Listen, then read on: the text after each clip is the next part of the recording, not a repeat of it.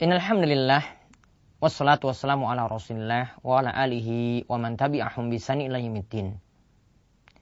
Para pemirsa sekalian, di antara sunnah kita menjalani puasa adalah kita disunahkan untuk makan sahur. Dan para ulama sepakat hukum makan sahur itu adalah sunnah, tidaklah wajib. Jadi ketika seorang tidak menjalaninya, ya tetap dia bisa menjalankan puasa, namun hendaklah dia berusaha untuk bangun makan sahur. Dan sahur ini artinya adalah waktu di akhir malam menjelang subuh. Ya, jadi yang diperintahkan adalah kita makan sahurnya itu di akhir-akhir malam, bukan di pertengahan malam. Bahkan dikatakan oleh ulama syafi'iyah yang dinamakan makan sahur itu adalah kalau sudah lewat pertengahan malam, itu baru disebut makan sahur. Kalau baru jam 10, baru jam 11 dia niatkan makan sahur, maka itu tidak disebut makan sahur. Apa faedahnya atau manfaatnya dari kita makan sahur di sini disebutkan dalam hadis Anas bin Malik radhiyallahu anhu di mana Rasulullah SAW itu bersabda, Tasahharu fa inna fis sahuri barakah. Tasahharu fa inna fis sahuri barakah. Makan sahurlah kalian. Karena dalam makan sahur, karena dalam makan sahur itu terdapat keberkahan.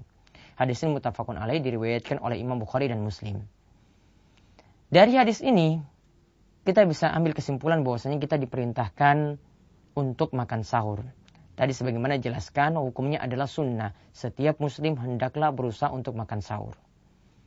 Kemudian hadis ini juga menunjukkan waktunya karena yang dimaksudkan waktu makan sahur itu adalah mendekati subuh ya di akhir-akhir malam maka kita makan sahur seperti itu dan ini juga yang dipraktekkan oleh Nabi SAW disebutkan oleh Zaid bin Sabit ketika beliau itu makan bersama Nabi SAW ditanya oleh Anas berapa waktu jarak antara kalian akhir makan sahur kalian dengan waktu dilaksanakan sholat, maka dijawab oleh Zaid yang makan sahur bersama Nabi SAW ketika itu ya sekitar membaca 50 ayat.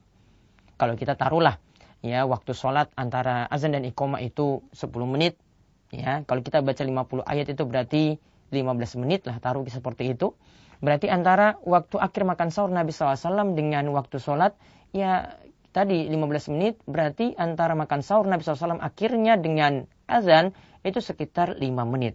Artinya mepet sekali beliau dengan ya azan subuh. Mepet sekali beliau makan itu dengan azan subuh. Dan ini menunjukkan bahwasanya makan sahur itu diperintahkan itu diakhirkan. Ya, diperintahkan diakhirkan. Kita disunahkan makan sahur dan diperintahkan makan sahur itu lebih baik mepet-mepet dengan waktu subuh. Karena seperti itu akan membuat diri kita itu semakin fit karena punya stok cadangan makanan yang banyak. Kemudian dikatakan dalam makan sahur terdapat barokah. Para ulama jelaskan ada dua keberkahan dalam makan sahur di sini. Ya, dikatakan berkah di sini ada dua, dua macam. Yaitu yang pertama adalah keberkahan duniawi. Karena dengan makan sahur seorang itu semakin kuat, dengan makan sahur seorang itu semakin fit. Apalagi kalau dia mengkonsumsi ya makanan-makanan yang dapat menguatkan dia ketika dia itu berpuasa. Ya, itu semakin menguatkan dia. Beda kalau orang tidak makan sahur. Beda kalau orang tidak makan sahur. Kemudian ada faedah yang kedua lagi, ya, yaitu dia akan mendapatkan manfaat diniyah. Yaitu dia pertama mengikuti sunnah Nabi SAW. Ini termasuk ajaran Nabi SAW yang dia ambil. Kemudian dia juga berpuasa berarti menyelisih ahli kitab. Karena ahli kitab tidak ada syariat sahur di sini. Ya, tidak ada syariat sahur seperti ini. Maka dia berarti juga menyelisih ahli kitab. Kemudian faedah yang lainnya lagi dari sisi diniyahnya adalah dari sisi agamanya ya bukan hanya kemanfaatan dunia yaitu ketika itu adalah waktu terbaik di mana kita diperintahkan untuk memanjatkan doa kepada Allah Subhanahu wa taala.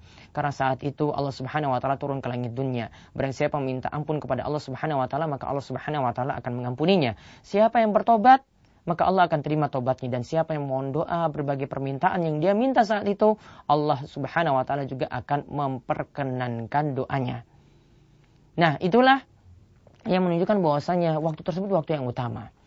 Ini menunjukkan berarti waktu makan sahur kita jangan cuma kita isi dengan aktivitas makan untuk mengisi perut saja. Namun hendaklah kita isi juga dengan memanjatkan doa. Kalaupun kita juga ingin melaksanakan sholat sunnah ketika itu pun masih dibolehkan. Saat kita bangun kita melaksanakan sholat malam ketika itu, itu masih boleh. Selama tidak ada dua witir dalam satu malam kita menambahnya lagi lalu kita memanjatkan doa kepada Allah Subhanahu wa taala karena saat itu juga adalah waktu yang penuh berkah, waktu yang dijabahinya doa.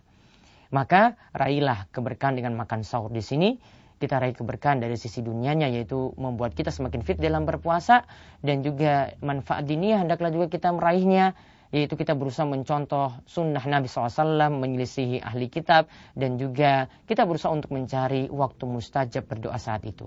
Demikian para pemirsa, mudah-mudahan bermanfaat bagi kita. Wabillahi taufiq wal hidayah. Wassalamualaikum warahmatullahi wabarakatuh.